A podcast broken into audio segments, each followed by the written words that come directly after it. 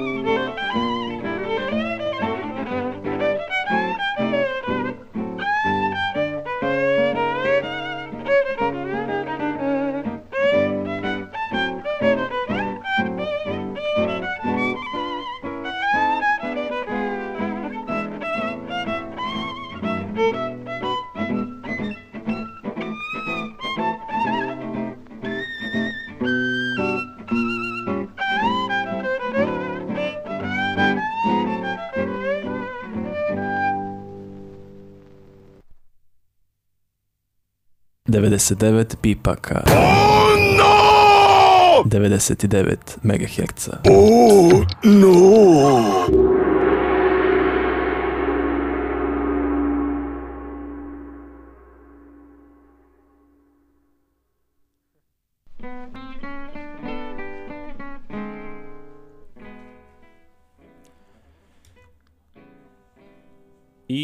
večer, dragi slušalci. Sa vama večeras su opet Pipci Hobotnice. A, su u studiju sa nama je Burzo i Mateja za miksetom. A, Burzo, šta ćemo raditi večeras? A večeras ćemo pričat, mislim, ovo sad se malo promijenio se je danas, jeli, više postalo vrijeme, nisi Pa, siguran. mislim danas. A, danas a, pričat ćemo o anime režiseru Rintaru i njegovim najznačajnijim dijelima i o njegovom stilu i tako. Uh, poštovani slušalci, vraćamo se nakon kratke muzičke pauze i ulazimo u diskusiju kao i svih prethodnih četvrtaka. Stay tuned na studentskom radiju Krš.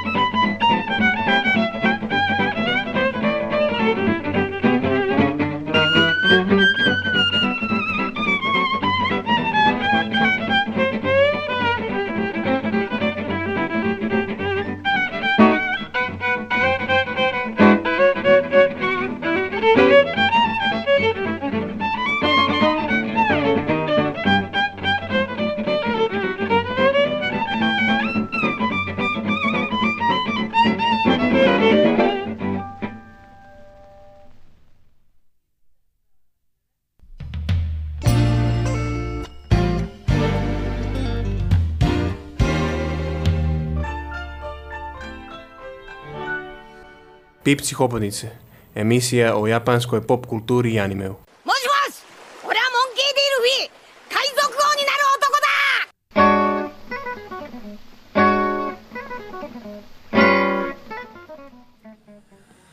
Mas, mas, i sa vama u studiju su Pipci Hobotnice i kao što smo već prethodno rekli, danas ćemo pričati o legendarnom režiseru Rintoru koji je na sceni još od negdje 50. i 60. godina uh, 20. vijeka probio se uz Katsuhiro Otoma i legendarnog umjetnika Ranije, ranije, Ranije. je on bio. On Earlier, je dosta earlier. star čovjek, starije jedno 20 godina, ja bih rekao od ovoga. A, Znači, kao tomu je postao popularan u 70-ih, ovome je prvi značajni anime 60-ih nastavio. Znači, rekao vide, ovaj stariji čovjek malo. radi uz Osamu Tezuka koji je u stvari bio popularan zbog Astro Boje, mislim da su to bili njegovi baš početci i da i ovaj anime u kojem ćemo pričati Metropolis da je u stvari izašao iz toga Da, da. mentorstva. Pa radio je u suštini uh, okviru uh, anime studije Mushi Pro koji je osnovao sam bio Osamu Tezuka. Uh, dakle, Osamu Tezuka je uh, mangaka prvenstveno, ali isto tako jedan od kreatora, jedan od inicijatora osnivanja anime onako kako ga znamo i poznajemo. Uh, njegova kompanija Mushi Pro je radila na Astro Boyu, ako sam u pravu, moguće da nisam, ali mislim da jesam. I kas- Burza je uvijek u pravu da znate. Mm, ok, to je istina, ali nisu siguran. Sad, a, kasnije se u tom studiju, znači u suštini ranih 20. vijeka, sredinom 19 20. vijeka u Japanu ste imali praktično dva studije, to i Moshi Pro, to je bio fokusiran na, filmske neke produkcije, gdje su bili malo bolja animacija, malo življa, na nalik na Disney, dok je Mushi Pro gurao neku jedinstveniju priču, tako da kažem.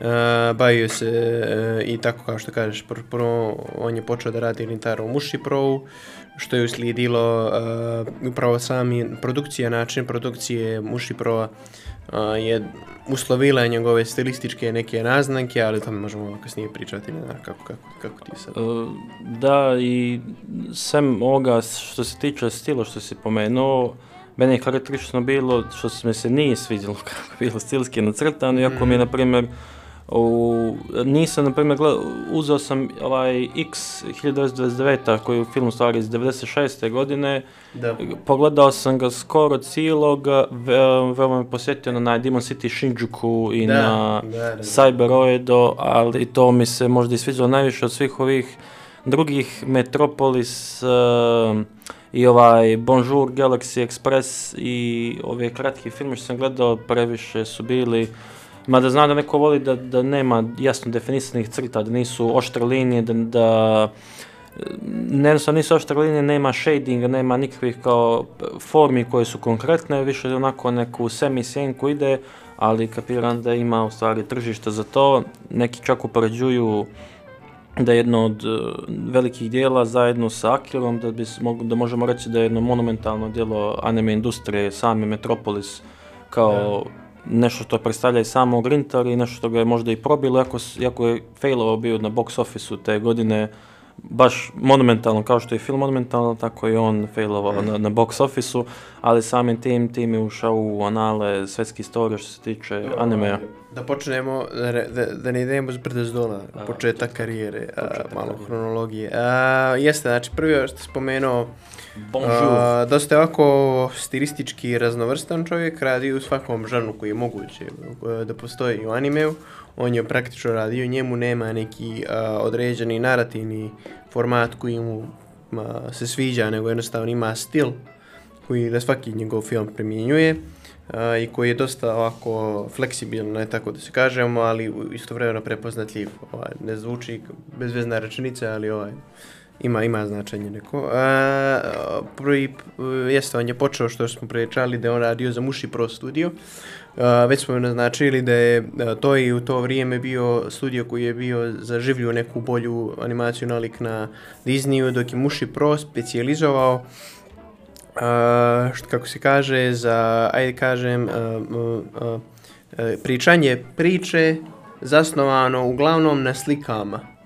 Uh, dakle, u suštini Muši Pro anime i nemaju uh, jaku animaciju, uh, nije, nisu dobro animirani, nego se zasnimaju na, na slikama pojedinačnim i cilj je uskorišćenje nekakve režiserske vratolomije, upečatljivih slika na momentima da iskažete svoju priču na najbolji način na koji možete. Uh, što je uh, na kraju dovelo do toga da on, pošto je Rintaro radio u tom uh, okruženju, a, da stvori dosta jedinstven stil uh, režiserski, dakle, uvijek se, i pored toga što često u njegovim anime ima odlične animacije, fantastične animacije, kao u Metropolisu pomenutom, uvijek se a, zasniva na jako stilizovanom, a, na jako stilizovanoj slici njegovi anime u svakom smislu. Uh, jedan od tih je u početku anime koji je, koji je bio revolucionaran u to vrijeme, to zove se Sabuto Ichi, mislim da je 65. izašao. Uh, u pitanju su uh, kao detektivske priče uh, u 17. vijeku i tako dalje, dva samuraja. Koliko se shvatio, nisam gledao film, mislim, nisam gledao seriju, ima 50 epizoda iz 65. Uh, uh, ima samo nekoliko je privedenih epizoda, također da je bukvalno nemoguće ovaj, pogledati to na engleskom jeziku. Uh, Uh, i, i dosta je bio jedinstven jer je atmosfera bila, uh, posebno za televizijski anime, bila dosta ozbiljna, bila je teška komparativno u odnosu na ostala djela, bilo je dosta ovako zrelo i upravo u tom periodu se javlja neki Rintaro stil prepoznatljivi. I to je taj što, kako se kaže, uh, stil koji se zasnivao da što štedi što više para, ali što je ovaj, dovelo do nekih uh, stvarno ču, čudnih stilističkih uh, uh, osobina. Na primjer, ako hoćete da prikažete ne, kako, kako neko hoće, sasječe neku drugo mače, a, nema direktne scene kidanja mačem tijela i tako dalje, nego se pokaže mač, pokaže se osoba koja će da bude žrtva uh, napada i onda se uh, formira kao uh, uh, linija, uh, uh kao samo slika prazna, uh, crnilo u pozadini i jedna linija koja ide po sredini ekrana, koja indicira ili da se vrši neki napad ili kako što i onda se žrtva napada prikazuje kako je sasičena i tako dalje. I to je uh, ovako dosta uh, olakšavalo animatorima da se slikuju jer ne moraju neke da imaju dosta panela, dosta crteža i tako dalje. I uh, dok uh, gledalcu omogućava da shvati što se desilo, u isto vrijeme se vrši ušteda, a i dosta stilizovano dijelo je ovako nekome sa strane koji možda nije upoznat sa produkcijskim načinima kako se to uslovilo. A, tako da je to čitavo njegovu karijeru kasnije uslovilo i ona se zasniva na tom stilu i ona se zadržala i, po, i pored dobrih budžeta i tako dalje. A, sad što se tiče filmova njegovih, kad su počeli da pričamo, a, na početku karijere kreirao je ratno svoj najpoznatiji film. To je taj Galaxy Express 1999. A, prije toga je radio od istog mangake Leiji Matsumotova Eh, adaptaciju Captain Harlocka. Captain Harlock, ja sam čitao da sam to gledao davno bio, ali eh, ovako dosta je priča, uh, nije nešto pretjerano značajna, uh, ajde kaže, nije pretjerano dobra, uh, malo ako uh, dosta luta, nije kompaktna, ima dosta čudnijih momenata, ali jako uvijek i uvijek jako stilistički, jako uvijek ima nekakve Uh, čudnovate prikaze koji djeluju kao malo ovako pod LSD-om da su napravljeni.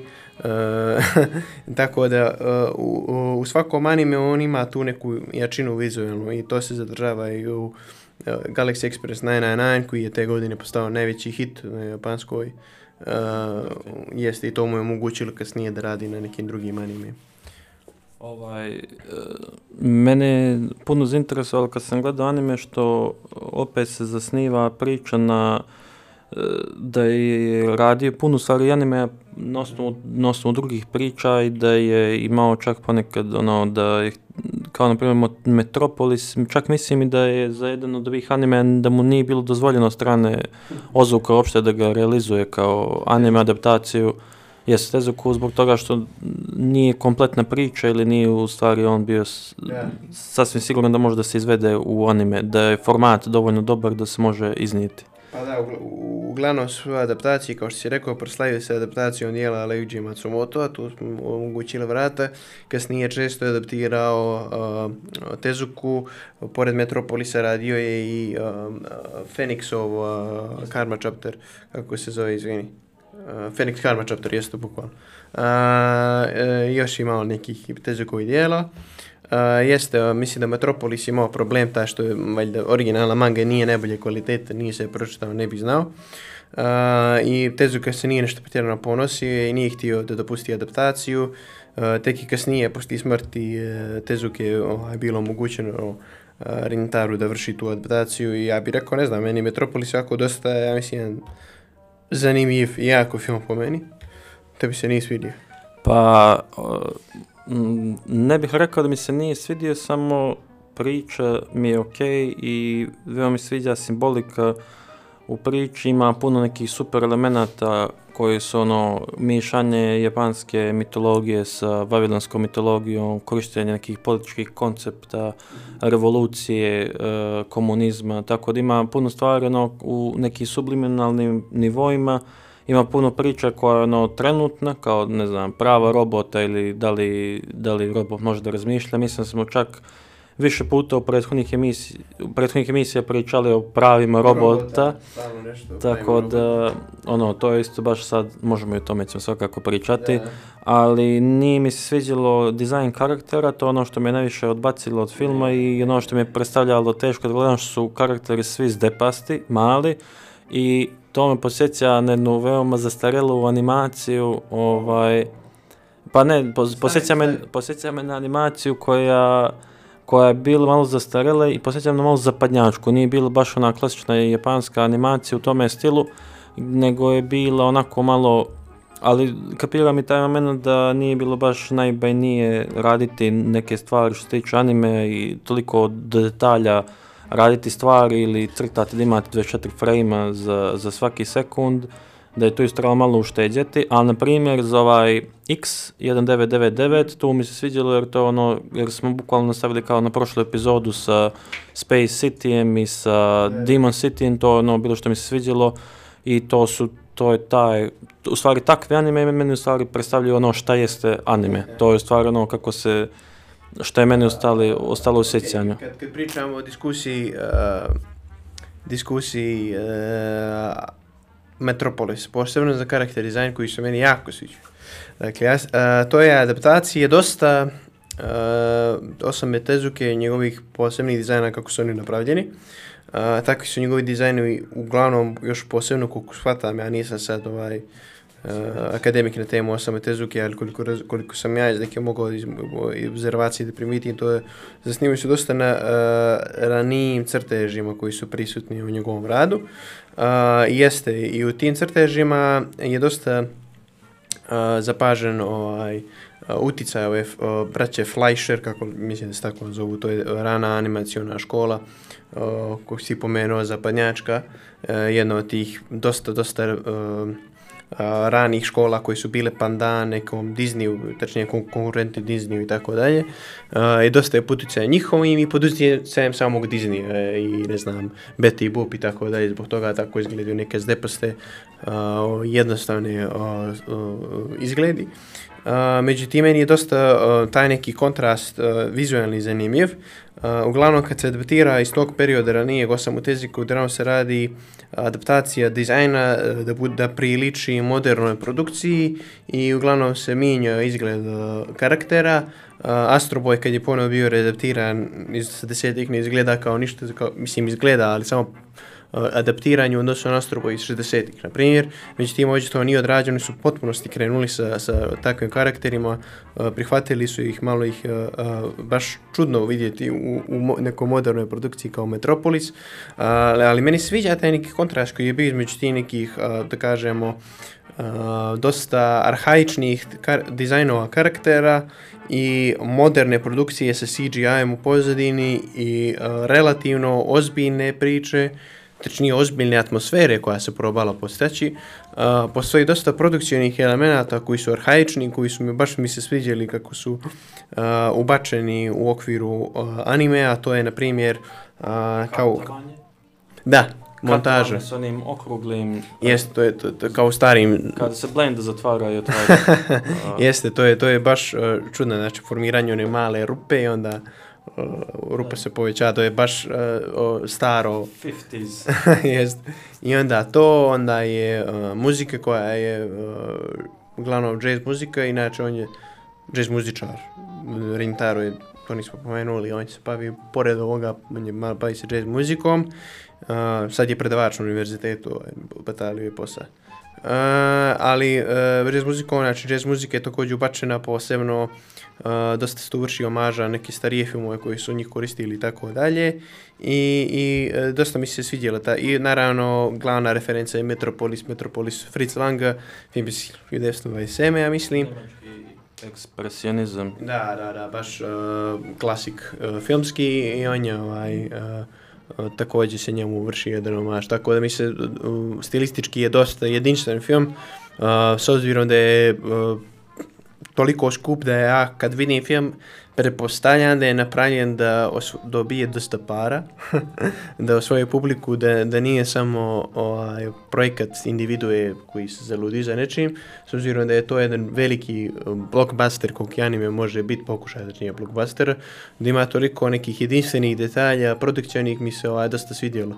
Posebno na kraju ovaj kad je kad je velice na velike eksplozije na primjer ide i onda se ide muzika koja nema nikakve veze sa scenom oni što se dešava mislim da je to isto jedan odličan detalj pa da mislim i da ono stvari kad se kad biva rađena pa ide ona blaga jazz muzika neko je pomislio na primjer u onim filmove 50-ih, to je jedna blaga erotska scena kao ide, neka kao blaga erotska muzika, jazz u pozadini, a u stvari njemu to totalno na, na drugačiji način prikazuje atmosferu sa, da. sa jazz muzikom, što je meni bilo isto fenomenalno, ali međutim sa strane sa strane što mi se nisu svidjeli, što mi se nisu svidjeli karakteri, uh, mislim da je priča baš dobra i da ono prič, da je zbog toga jedno od velikih ostvarenja, jer priča i dan danas i dalje aktuelna, da možemo da vidimo one trenutne socioekonomske probleme koji, su, koji on možda htio da predstavi ili uh, koji su možda dešavali u Japanu nekoliko prethodnih godina, možda neki, da može predstavljati ono da je rast nacionalizma u Japanu i da žele da se vrate nekom širenju i opet nekom kao imperializmu. Ovaj, ali mislim da ona priča opet ima neke ono arhetipske elemente ili možda društveno ekonomske koji se ponavljaju uh, kroz ljudsku istoriju, to jest da se, da se mrze migranti, što, možemo, što smo mogli da vidimo i prethodnih godina na Balkanu dolaskom izbjeglica ili, ratnih izbjeglica ili imigranata na naše prostor, gdje smo mogli da vidimo ono što se dešava u filmu, da se ljudi boje za svoje poslove samo na osnovu toga što su pripadnost jednoj rasi, da oni imaju pravo na, na, na taj neki posao ili ti etnicitetu, a to se stvari dešava i u samom metropolisu, gdje se dešava bor, e, borba između ljudi i robota zbog oduzimanja posla. Smo, to su za mene bile neke paralele koje su bile interesantne ili sama paralela na Zigurat koji u onoj staroj priči predstavlja da smo pokušali da se popnemo na Da, da, da, da, post, da, postane, postanemo bogovi. da postanemo bogovi, onda se Zigurat srušio, što ono, ne znam, sad da li bih mogao reći arhetipska priča, ali jedna od starih priča koja se, koja se ponavlja kroz više nekih mitologija, ovaj, da se opet desilo to isto, ali da u ovom fokusu je bio da li robot može da bude čovjek, zbog toga, ali ako robot može da voli, da li onda on u stvari robot ili je čovjek, to je onda ono pitanje koje se postavlja. Da, to je, to je jedna od tih arhetipskih dilema koje smo prethodno pominjali, ali e, moram reći s obzirom da Rintaro meni nikad nije bio režiser za priče, dakle mislim da mu je to najmanje bitno iskreno u pričama njegovim. Uh, uh, Metropolis iskreno posjeduje e, neočekivanu količinu kompleksnosti, aj tako da kažem. Uh, naravno nije to ovaj najsloženije dijelo u, animaciji, anime u sve, ovaj, filmu, sve, sve jedno. Ali ne znam, dosta je zanimljiv kad se posmatra te perspektive, jasno je da se tu roboti kao uh, simbol za neprivilegovanu radničku klasu u suštini. A istovremeno je isto što um, ono zanimljivo da pored njih postoji i stvarna radnička, mislim, hoću da kažem, ljudska radnička klasa u film, u okviru filma, koja pokušava da proizvede uh, revoluciju, koja je također zasnovana na uništenju tih uh, robota, međutim prava revolucija nastane tek kad se roboti sami pobune protiv vlasnika. A, ne znam da li je to Samo može, pazi, samo mogu da idem u ede koji definitivno sumnja da su, da su uh, originalni kreatori razmišljali, ali tu može da se neko bi rekao, evo sad lupam, ne, ne znam, meni je palo na pamet, sumnjam da su ome razmišljali, kao, ok, uh, radnička klasa koju je razorila in, pogrešna identitetska politika. ne, nema paralela nikakve. Nema, ali zanimljivo je razmišljati. Svakako mi je zanimljiv taj kontrast da postoji. Dakle, očigledno su išli na nešto. Jer to su smatrali da pokreti koji se snimaju na mržnji i tako dalje, uništenju drugih su neuspjeli dok su ja ne znam. A, ali a, jeste onako bi rekao da ste narativno zanimljiv. A, nije totalno priča, ja sam mislio da će da se krene u drugalnom pravcu, ali dosta je bilo neočekivanih momenta u okviru priče, ja bih rekao. Tako da je to vjerojatno možda narativno jedan od zanimljivih uh, anime ako je on napravio, rekao bih. Iako je, iako je uvijek kažem to oko njega ovako najmanje zanimljiv moment, on je ovako uh, u potpunosti emotivan režiser. Ako bih nešto rekao, to je uh, njegov model pričanje priče je dosta zanimljiv. Uvijek je parcelisan, tako da se kaže. Uvijek u, u, imamo neki kratki momenti koji nas zanimaju to bi možda Nexu se vidi, Nexu filmu, znači Nexu priča je totalni nonsens, ovako kao bismo sam počeli da pričamo, niko ništa ne zna što se tamo desilo. A, I dosta fanova originalne mange X se bunilo protiv toga film. Međutim, ako mene sad ja stavim ovaj film prije nekoliko godina, ja uh, ne mogu apsolutno ništa da kažem loše o tome filmu. Ok, priča nema nikakve veze, uh, ne pruža zadovoljavajući odgovor, međutim, što kaže, meni je bitno da je on, on koliko zna da parceliše Dakle, da se drži nekakve mini priče u okviru filma koje su više zanimljive nego cijelina koja ih objedinjuje, uh, objedinjava. Uh, tako da je, uh, mislim da je to što ono, što isto također čini jedinstvenim i, i što čini X-film kasnije dobrim filmom, jer ima te neke dijelobe koje kažem su jako, jako zanimljivi u okviru toga, koji su vizualno nevjerovatni. Ima dosta stvarno nevjerovatnih scena vizualnih u filmu. Uh, A, tako da, iako sad sam preskočio s Metropolisa Nix, ali evo kažem, ova filma vizualno su toliko odlični, imaju nekih zanimljivih detalja da se čovjek ne može ovaj, a, buniti, pored toga što je, ajte kažem, veliki dio priče nepretjerano zanimljiv. U slučaju X, Metropolis je malo zanimljiv, rekao. da, ovaj, što se tiče Metropolisa, to je ono što mene zainteresovalo, jer nije napravljeno najklasični neki uzor na Tokio, već ona sama scena me posjeća više na New York zajedno sa onim ornamentima i bojama koje su, koje su iskorištene u, u, u filmu i to mi je bilo interesantno jer otprilike... Tokyo Tower. Tokyo Tower. Tokyo Tower. Tokyo Tower. A, ovaj, bilo je interesantno jer obično ti većina animea koji su iz ovoga doba ili i kasnije, veoma puno njih se vrti oko Tokije. Ovdje mi je bilo interesantno jer je grad prikaza nekako glamoroznije, s nekim mm. boljim ornamentima i boje su nekako usklađene u cijelom animeu. Ovaj, I dešava se ono što se, na primjer, nije dešavalo u Patema Inverted i u drugim ostvarenjima od istoimenog uh, autora, da se dešavalo i sami world building, da smo mogli da prođemo kroz cijelokupan grad. Iako mi se nije sviđalo način na koji je animirano sam grad, kad se, na primjer, prolazi iz neke ptiče perspektive u žablju, mm -hmm. kad se grad hvata u, u cijeli 3D, iako je to vjerojatno tad bilo ekstremno skupo kad su pravili te godine yeah. taj, taj CGI i, i modeling, ali međutim, predstavljaju se svi nivoji i podnivoji grade i tehnologije koja se, koja su stvari tu koristi. Naravno, za mene opet onda predstavljalo one stvari koje se dešavaju da imamo, da su nivoji stvari predstavljaju ili klase ili kaste ljudi koje su stvari razložene, a da, kako bi to rekla jedna profesor s naše fakulteta, dim hvata samo one na donjim nivoima, ne, no vatra vata, one na donjim nivoima, a gornji nivoj osjećaju samo vatru iz globalizacije, Aha. šolte.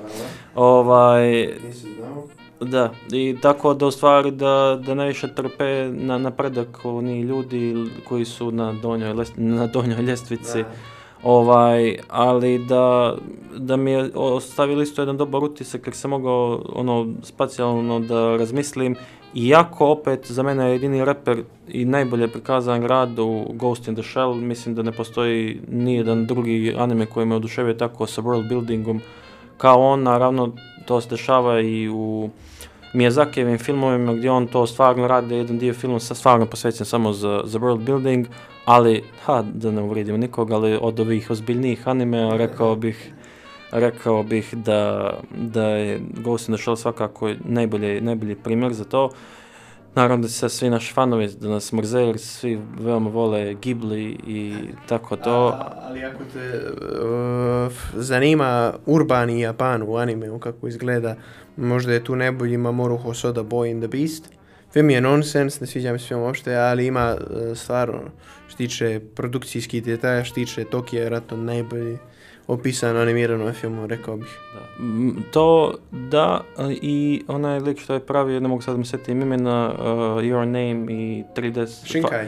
Jeste, 5 cm Da, uh, da, per da. second, te mislim da je taj world building da je to onaj čisti surovi realizam sa mnogo dobrim plavim bojama, Da. sa željezničkim stanicama, ali opet, samo se vratit na Metropolis, opet pokretne stepenice, znači to je otprilike sad ukapirao mnogo dobar kliše, ono kao budućnost i imat ćemo kao pokretne stepenice na svim ulicama i onda kao vi da, da stojite i stepenice će da vas voze. To je dobra ideja, vidiš što treba neko. Da, evo, umjesto, na primjer, biciklističkih staza, u Podgorici možemo da gradimo pokretne stepenice na trotoarima i jednostavno da se vozite kroz na pješke. Da, kao na fabrička podešavanja vidiš oma.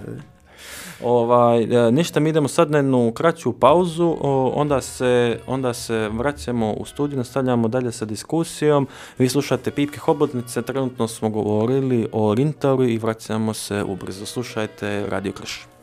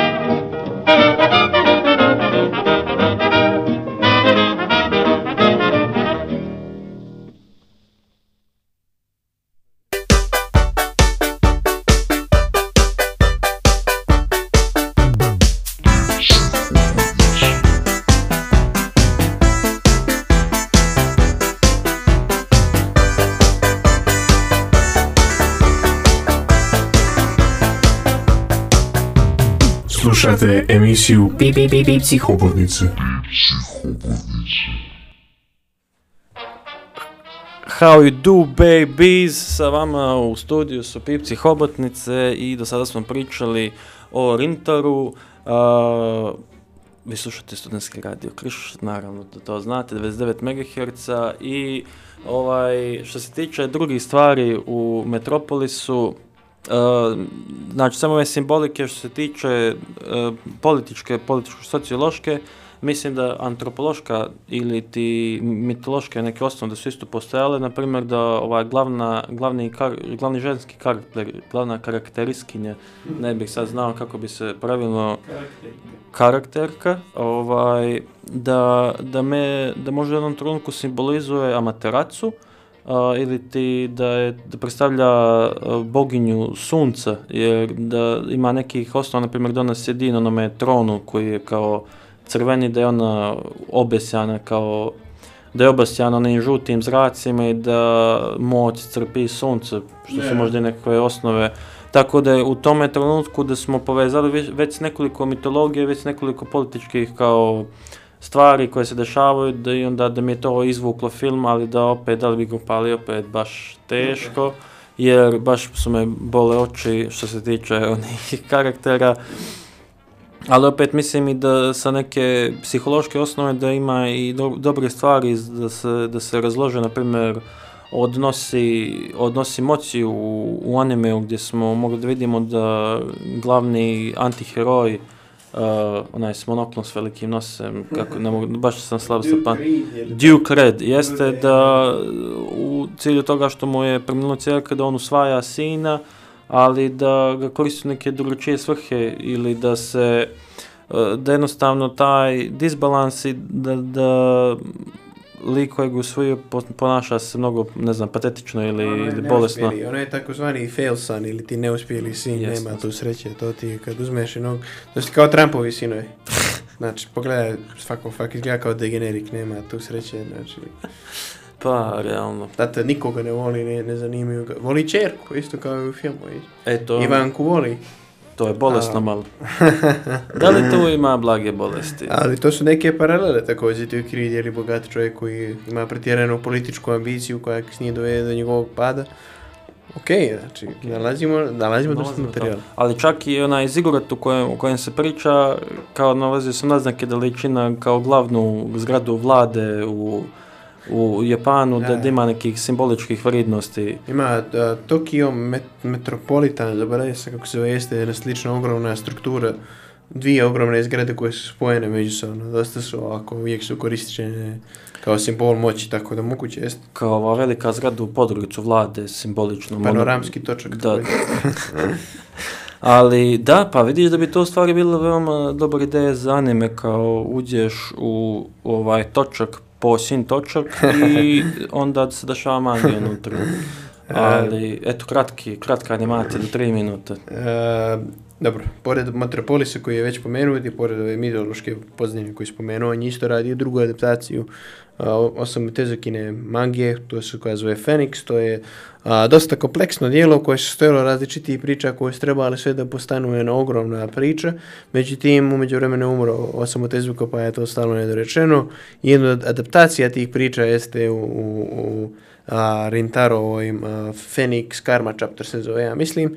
Međutim, moram reći, iako je, i pored nize odešenih komentara na koji sam primitio na YouTube-u i ne znam, i na anime forumima da nisam pretjerano bio odlišenjem, čak sam bio zbunjen, a nisam, e, djelovala mi je malo bizarna vrijednost a, a, dijela a, koje se zasniva uglavnom nekakvoj budističkoj filozofiji, ali moram reći da, je, da sam bio, o, jesi, gledali, jesi gledali, dobro, jer moram reći, volim da mi neko objasni zašto su um, emotivno dirnuti ljudi poslije filma i gledanja.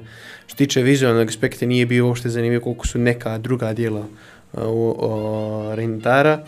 Uh, e, dva najzanimljivija, vizualno dva najzanimljivija možda dijela, pored Metropolisa, dodatno su Labyrinth Labyrinthos, segment prvi iz Nio Tokije filma, uh, Labirint, Labirint, to se dobro, prvo moram da kažem da je e, velikim dijelom jako toliko dobar, jer je glavni dizajner i glavni animator jeste Atsuko Fukushima. Atsuko Fukushima je genijalna animatorka, vjerovatno najbolje animatorka uh, ikad. Uh, kažem animatorka, ne kažem anime animator, uh, nego najbolji ženski animator da ja znam. Iskreno, dakle, o, fantastično je jedan animator koji jako kratko vremenskom periodu naučio da animira, što je dosta zanimljivo. Uh, fantastična uh, izgled animea, uh, dosta prepun zanimljivih vizualnih detalja. Dakle, sam početak, uh, stvarno ne znate gdje će da ide ovaj segment. U potpunosti je pun nekih izolovanih scena koje su dosta čudne, dosta elemenata, dakle počinje uh, praktično kabuki predstavom gdje e, djevojčica se igra s mačkom, dosta nadrealno izgleda sa kontrastom sa crvenom pozadinom, uh, onda djevojčica počinje da bude usisana u neki drugi svijet gdje su ljudi sjenke koji također se drži nekih dosta čudnih elemenata. Na kraju je sam svi postaje kao izgleda kao video igrica i tako dalje. Uh, dakle, jako, jako uh, zanimljiv vizualno, vjerojatno e, jedan od fantastičan jedan ovi je jedan kratki film od 12 minuta, ali tako dalje, ali sa toliko zanimljivih detalja vizualnih da je to puf, na, nevjerovatno. Drugi zanimljiv, evo, kaži ako Ne, nešto. samo sam htio da se nadovežem na ovaj Labyrinthos, mislim da ono predstavlja jedan core njegove animacije, to je totalno ugoljena animacija, bez previše nekih side efekata koji bi smetali Da. čisto njegove estetici, tako da ono, Da. ako želite da upoznate šta je ono čista estetika samog njegovog crtanja i stila, kako na koji način on prikazuje i karakteriše likove i radi karakter dizajn, mislim da je Labyrinthus Labyrinthus sasvim jedna odlična u, u, u vodu, u, u Rintaru, jer ste vi kasnije moći baš da nađete sve detalje. Ja, ja slažem s tom potpunosti, mislim da si tačno ovo da je baš upravo ja, dosta reprezentativno od osnovne ovog dijela i da je to ono što je on uvijek htio i da radi, tako da kažemo, dakle, da je to ono što u potpunosti egzemplifikuje sve njegove metode rada. Tako da jeste ba, jako, jako zanimljivo ovako dijelo, baš um, Uh, baš specifično i mnogo, mnogo dobro. Uh, druga stvar koja bi dosta zanimala jeste Take the X-Train, kao horror priča nije, mislim, horror element je najzanimljiviji, ali također jako, jako zanimljivo djelo. Uh, Eh, dizajn je dosta zanimljiv, znači radi ga je Kanemori, jedan dizajner koji je dosta čudan, koji radi ružne karikature, što je uglavnom u animeu nije prisutno, dakle ume su, uvijek su neke pojednostavljene crte lice koji izgledaju prijatno, a ako nije to onda se ide na realizam. Neki međutim on ide, uopšte ne dira realizam, ali dira neko, uh, kako kažem, ružno karikature, znači nema lijepog karaktera u njima, dosta ako zanimljiv uh, režiser, uh, to jest uh, animator i ono što isto da napomenem sad kad se već pričamo o tome što je zanimljivo za Rintara jeste što on uvijek radi uh, mu uh, su, uh, zajedno sa jakim Eh, uh, animatorom, u smislu se animatorom sa jakom ličnošću, ne možda po nekim kvalitetima, ali animator koji ima jako prepoznativ stil i to on gleda kao totalno zasima proces animacije od režije koje on radi, onda kad se to spoji dolazi do nekih čudne sinergije kao u Take the X-Train, koji ima jako zanimljive neke vizualne detalje, prepun je njih, uh, poznati su ti, uh, o, svaki dio filma ima neke, ne znam, uh, propraćenje billboardom, uh, gulotinja, neka, ne, nešto tako. Ne, ali to je više, pazi, to je neki kao, ja više nalik Warholom pop artu, nego, ne kažem ja gulotinje u tom smislu, nego uh, uh, es- estetski čudno izgleda, dosta je zanimljivo. Um, u Labirint, Labirintu sad se vrćem nazad, a sad se sjetio da je dosta bilo uticaja Shuji Terayame, koji je uh, pozorišni režiser Japana, radio dosta i filmova, pa ako mogu da pričam i u ovom stilu. Tako da e, ta dva filma, rekao bi onako, vizualno su najzanimljiviji od svih njegovih prethodnih izdanja koje je imao. Ovaj, ja bih se, znači sam ovaj Take the X-Train nisam gledao, ali Labyrinthos Labyrinthos dolazi iz ovoga tri kratka filma iz Neo Tokyo. Sad smo baš komentarisali bili na pauzi da smo prošli sve režisere iz toga, iz Neo Tokyo i iz Memories. Mislim da samo jedan nismo bili komentarisali, ovaj, a da smo sve ostale segmente izuzeli, tako da smo baš iscrpili ova dva dijela do maksimuma gdje smo ono pojedinačno radili sve, sve umjetnike. A, ono što se što sam isto možda htio da, da, da kažem da taj period 80-ih, 90-ih što smo možda i pričali u nekoliko emisija bio zastupljen puno sa, sa, sa robotima i da čak i da u samom ovome Bonjour Galaxy Express 999 da se isto ponavlja ta priča da se, da se mnogo diskutuje o tome o da li čovjek treba da bude besmrtan, da li, gdje nas vodi u stvari ta re, in, revolucija, mehanizacija, kiborzi, ne, ne znam kako bih tačno definisao, ovaj, ali mislim da u, u, meni se na primjer njemu nije svidio plot, ovaj, to je razreda, mislim da je malo bilo, bilo je rupa u tome i da nije mi se toliko, nije mi toliko legao. To je, to je ono što se prethodno rekao, jest, slažem se, bilo je rupa, nema, nema detalja neki da se objasne neke stvari i tako dalje, ali njega to ne zanima, ja mislim, toliko je kaže, nego koliko neka uh, uh, aj kažem, emotivna srž, neka simbolika kroz vizualne djelovanja, je tako da mogu da se izrazim. Dakle, uvijek ti neki narativni detalji nisu prisutni, ali uh, to je, nije njegov fokus ako, ako razumiješ na što idem. Znači, da, uvijek je fokus da se kroz režiju, kroz neka takva dara, kroz neku jako emotivnu srž, možda koju što, što će da kaže, da dobijemo, dođemo do u, reakcije, ali ne kroz sad, kroz sam narativ, kroz sam priču, kroz sam događaj i tako dalje. To je uvijek onako u drugom planu kod njega. On je u potpunosti a, uh, visceralni. ne znam, postoji li taj visceral na engleskom režiser, dakle, on je na, na ide na, da tako pretobije jake reakcije. Ovaj, I možda i zadnje dijelo koje ćemo uspjeti da pokomentarišemo zbog toga što se bliži uskoro kraj emisije, ovaj, uh, neki kažu da ga je dokusurio Jona Jona Jona Penguin, ja nisam gledao, izgledalo mi kao crtani za djecu i odmah sam lupio X kad sam gledao trailer, ne znam da li sam trebao, ali mi se animacija nije svidjela, izgledalo mi baš onako... Eto, da. Imao si pravo, znači nije za djecu, nego je za bebe. A, to ne mislim loše, ali ima, ima beba, one treba filme da gledaju, ali mislim, meni nije pretjerano zanimljivo ovako.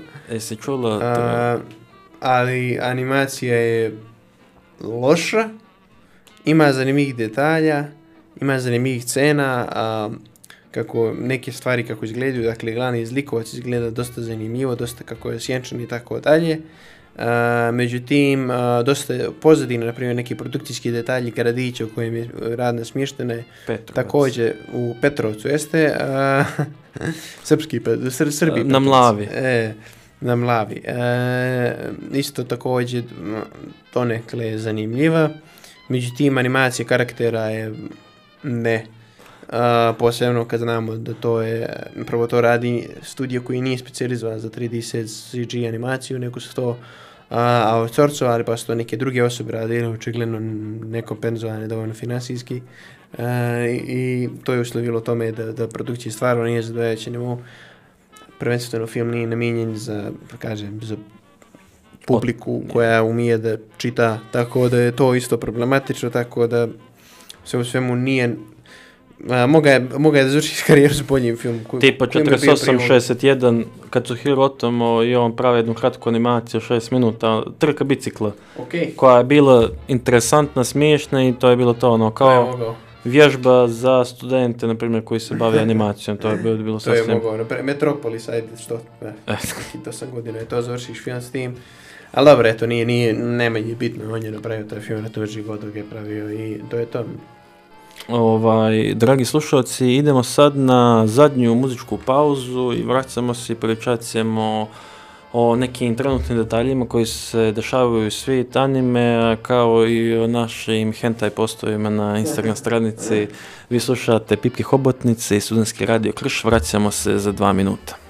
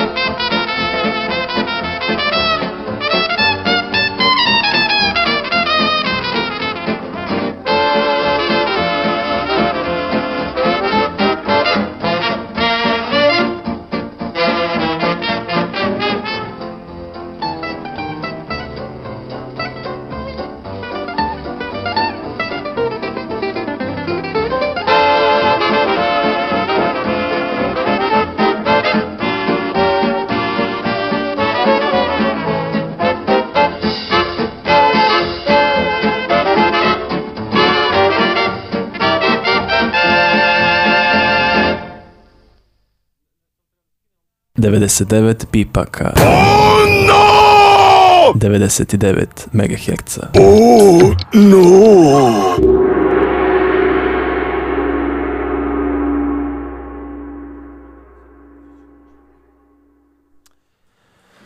Mas mas hentai. I sa vama u studiju su Pipci Hobotnice i vi plovite na studentskom radiju Krš. Bližemo se u finale današnje emisije ili večerašnje, ne vidimo šta je trenutno napolje. Ovaj, danas smo pričali o Rintaru i o dilu njegovih dostignuća, naravno format od sat vremena nam, ne dozvoljava da možemo da obradimo sva djela i to bi bilo veoma komplikovano i obsežno. Uh, međutim, voljeli bismo za sve vas koji slušate da nam uputite na Instagram stranici vaše predloge ili nešto što biste voljeli da... Eto, na primjer. Ovaj, nešto biste voljeli da slušate ili da čujete ili neku temu koju biste voljeli da mi, da mi obrađujemo. Uh, međutim, Uh, nešto što se tiče naših društvenih mreža, primijetili smo da niste baš, šalim se, da ste bili veoma zadovoljni sa postovanjem zadnjih mimova, nadam da, da su časovi iz fizike bili veoma edukativni u, u, u prethodnom periodu. Uh, naravno, isto ovaj, htio bih da se zahvalim svim ljudima koji učestvuju na anketama i koji nam omogućavaju da znamo otprilike u kojem pravcu da držimo ovaj stil emisije ili o kojim temama da pričamo. Uh, nadamo se da ćemo opet imati uskoro neko možda i gostovanje, da ćemo možda i proširiti opseg pipaka hobotnice, da ćemo početi da se bavimo i uh, uh, japanskom kinematografijom, to je sigranim filmom, tako da mislim da bismo tu imali i moment gdje smo možda samo obrazivali ili jed, jedan po jedan film, pošto smatram da ako budemo obrazivali velike autori iz japanske kinematografije, format nam neće dozvoljavati da ništa značajno kažemo ovaj, u, u veoma, ovom kratkom vremenskom roku. Međutim, moje preporuka što bi se ticala vas, uh, bilo bi jedna veoma super manga koja je, pa, mislim, izlazi možda godinu ili dvije, a, nije japanska, među, nego ko, koranska, solo leveling se zove, Ja sam baš oduševljen, ovaj, nije klasično crtana kao manga, već je obojana. Onako, neki je prelazi među komika i mange, međutim više vuče na mangu s obzirom na, na elemente i na stil crtanja. Ovaj, volio bih da je vidim kako će da izgleda kao animirana, jer je world building baš dobar, dobro objašnjeno, imaju super karaktere ovaj ima i tih interpersonalnih stvari, tako da nije samo ono kao u bilo kojem, bilo kojem drugom animeu gdje se dešava igrica, tako da to je moj predlog za vas. Uh, solo leveling i bio još jedan anime, još jedna manga koji sam čitao u zadnje vrijeme, ali ona se veoma, ona, ona veoma, veoma, veoma sporo izlazi, mislim da se zove Valkyrie, ovaj Rise of the Valhalla ili tako nešto uglavnom bore se mitološke mitološka ovaj biće bogovi protiv nekih drugih heroja iz, e, iz mitologija raznih, tako da su to neke moje dvije preporuke. Evo, ne znam šta Danilo čita. Uh, ja bih kratko preporučio možda Komi-san ili Komi Can't Communicate, uh, manga, m, slatka komedije o srednjoškolskim uh, nesporazumima, dakle priča je o uh, a, lijepo elegantnoj djevojci koja je asocijalna, koja ne umije da priča i dok je drugi joj se dive, misle da je najbolja, da je boginja na zemlji, ona je često stiljiva i tako dalje, dosta ovako uh, aj kažem nevina priča, simpatična, slatka priča i mislim da se svako, da se svako može svidjeti. Volio bi da postane anime, mislim da bi bio veliki hit, uh, iskreno. I to bi bilo to što se tiče toga, samo da napomene da je Demon Slayer, če smo pričali o njemu, o, o, o tome koliki je hit, sad je dostegao oko 370 miliona dolara na, na box office, tako da mislim da je drugi najveći film ove godine, a, nažalost neki kineski film ga je uništio, a, oko 430 miliona, ili tako nešto je on zarazdio na box office, tako da sumnjam da će ga ikad preteći. Uh, Demon Slayer, ali se držimo fige da će moći do 400 miliona da dogura, jer zašto ne, što da ne, mislim, ne? ekonomija je potrebno dosta para. Je. Ovaj, meni je drago Chainsaw Man što će da dobije adaptaciju, da. To će da bude isto, mislim, baš brutalno. Nadam se da dobije neki studio koji radi, na primjer... Mapa, mapa, mapa. Mapa. On, oni rade i Jujutsu Kaisen. Odlično. Juju- Pa mislim da taj studio što radi, ovaj, mislim da sam baš i danas objavio na story da ljudi koji stoje iza uh, i Mapa Studio da radi Jujutsu Kaisen, Kakiguri, Attack on Titan, Jeste. da su radili Dororo, The God of High School, Jeste. Inuyasha. Radili Ovaj, su dosta stvarno dobrih produkcija, ali ako imaju malo brutalan način rada, o, muče ljude, e, neću ti kažem muče ljude, ali često su uh, zgusnuti njihove produkcije, produkcije i onda um, dosta dolazi do, do a, dolazi do brzog, brzog rada, ogromnog rada u okviru studije, tako da se teško nose s tim nekim producijnim detaljima. Međutim, dobra stvar s Chainsaw Manom je što je toliko popularan među mladim 100 Izvinjavam se. godina. A, među mladim animatorima je jako popularan, tako da čim se objavila vijest a, da će Chainsaw Man da dobije anime adaptaciju, odmah je nastalo jedno krdo komentara a, na Twitteru, svi ti mladi animatori se javili da hoće da, da se prijave da rade na, na Chainsaw Man. Dakle, čim postoji tolika zainteresovanost animatora jer vole u mangu, obožavaju mangu, mislim onda da će da bude baš spektakl. Ako nadam se da, da će ispoštovati sve te ljude i da će to da će sve uključiti i da će biti neki kreativni režiser koji će znati to da iskoristi sve te ljude koji hoće da rade na projektu. Ovaj, poštovni slušalci, to su bile i finalne remarke koje smo dali u ovoj emisiji. Gledamo se za dvije nedelje. Nadamo se da ćemo moći da, da damo neku veoma, veoma interesantnu temu, nešto što niste čuli do sad. Nadamo se da ste do sada zadovoljni sa izborom tema i kategorija koje smo donijeli ovdje. E, znači, slušamo se 11. marta. Sa vama su bili Danilo i Matija za miksetom Mateja i ovo je kraj naše emisije. Slušajte i dalje Studentski radio Krš. Pipkastamo vas pozdravljamo. Omol, fam!